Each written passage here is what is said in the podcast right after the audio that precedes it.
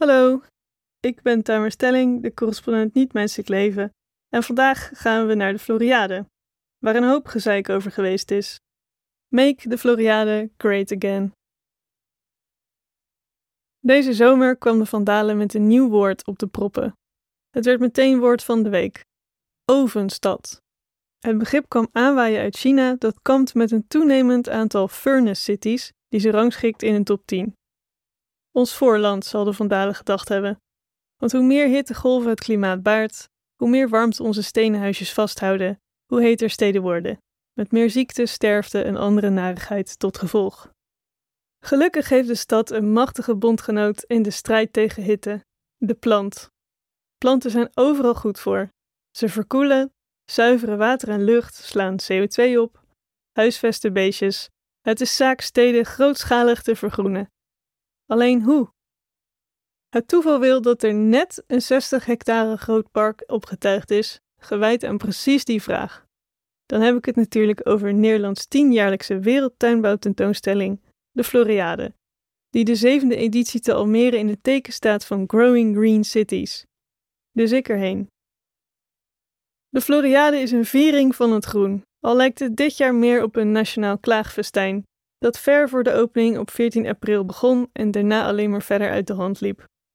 De paviljoens waren niet op tijd klaar, het groen was niet groen genoeg, er gingen bijenvolken dood, een kabelbaan over de A6 leidt autobestuurders af, de kabelbaan was niet gratis genoeg en de toegangskaartjes van 30 euro zijn veel te duur.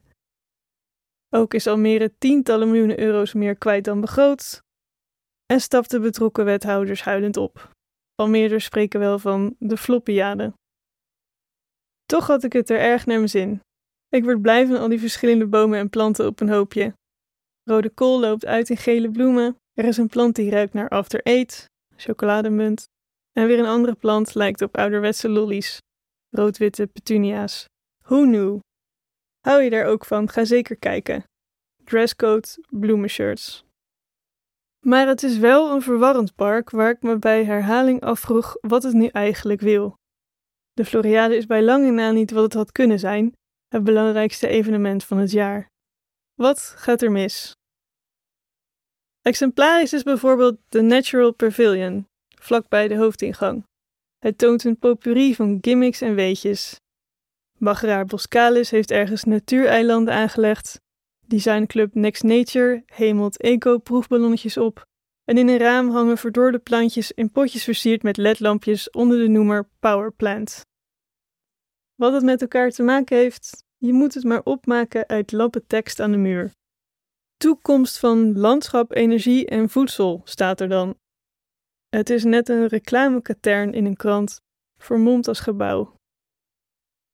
Pas in het Duitse paviljoen Biotopia vond ik ergens in een hoekje een maquette waar volgens mij de hele Floriade over had moeten gaan. Een stukje 3D mini-stad liet zien opwarming, biodiversiteit, luchtkwaliteit, waterhuishouding. Het is of wordt allemaal een probleem. Wat kan de stad, waar in 2050 zo'n 70% van de wereldbevolking woont, daaraan doen? Wat kan jij, bewoner van een huis of appartement in zo'n stad, daaraan doen? Vier tips van de maquette. 1.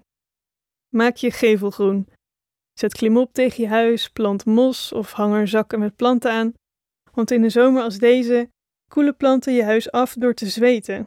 Een plant laat water los, dat water verdampt en dit proces haalt warmte-energie uit de omgeving, waardoor de temperatuur daalt. Ook wind en hagel hebben dankzij een plantlaag minder effect op je pand.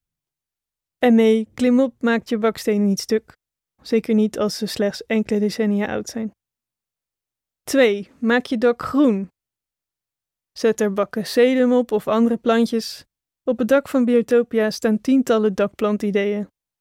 Dakgroen scheelt hitte in huis, hitte in je stad en dat scheelt weer in energiekosten voor de airco. Ook zonnepanelen blijken op een koel groen dak een stuk efficiënter. En als iedereen luchtzuiverende plant op het dak plant, verbetert dat eveneens de luchtkwaliteit. 3. Zet bomen neer.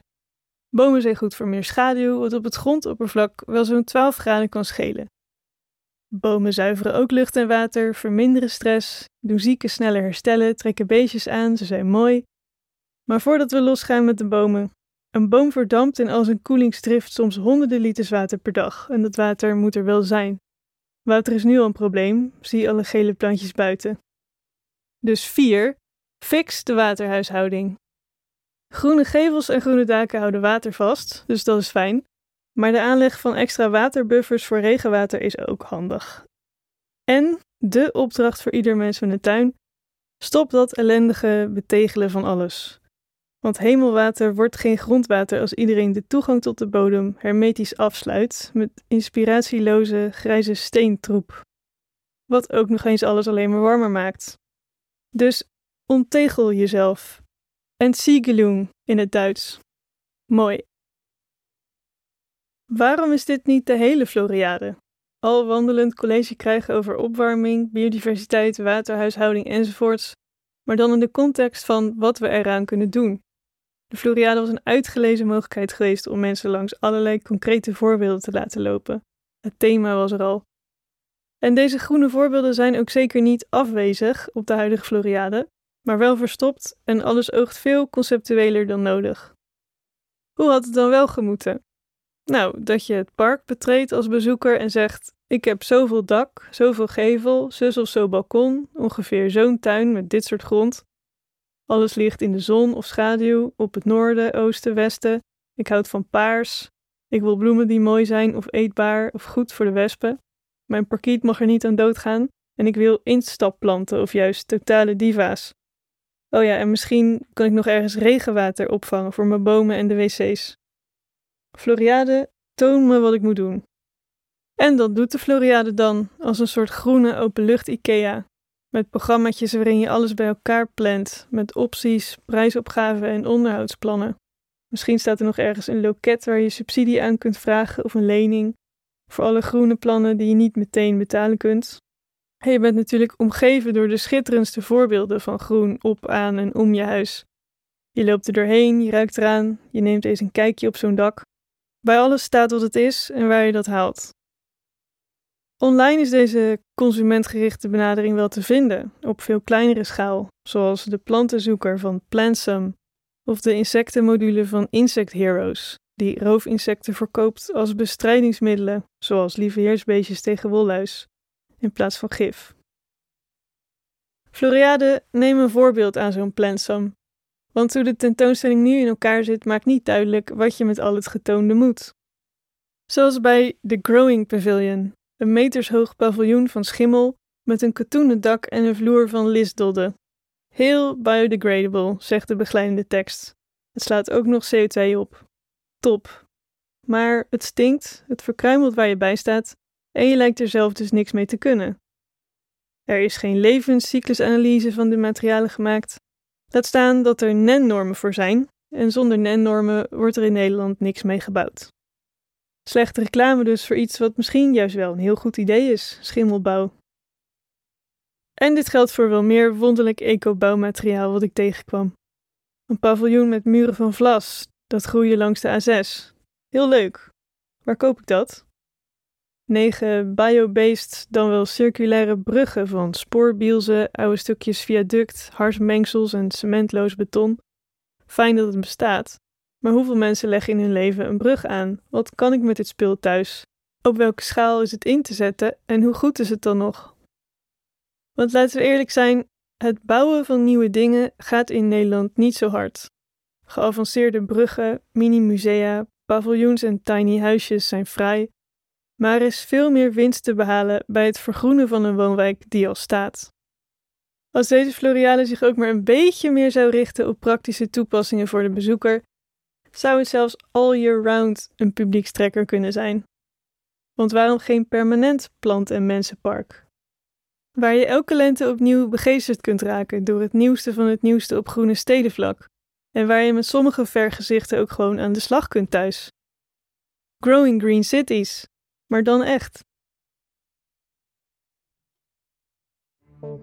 Het is de missie van de correspondent om voorbij de waan van de dag te gaan onze correspondenten voorzien het nieuws van context en schrijven over de grote thema's van deze tijd. De correspondent geeft me de vrijheid om mijn nieuwsgierigheid te volgen en de tijd om verhalen te schrijven. En zo probeer ik onzichtbare structuren zichtbaar te maken en een andere kijk te bieden op debatten die het nieuws domineren. Dan gaat het minder over het spelletje en veel meer over wat er op het spel staat.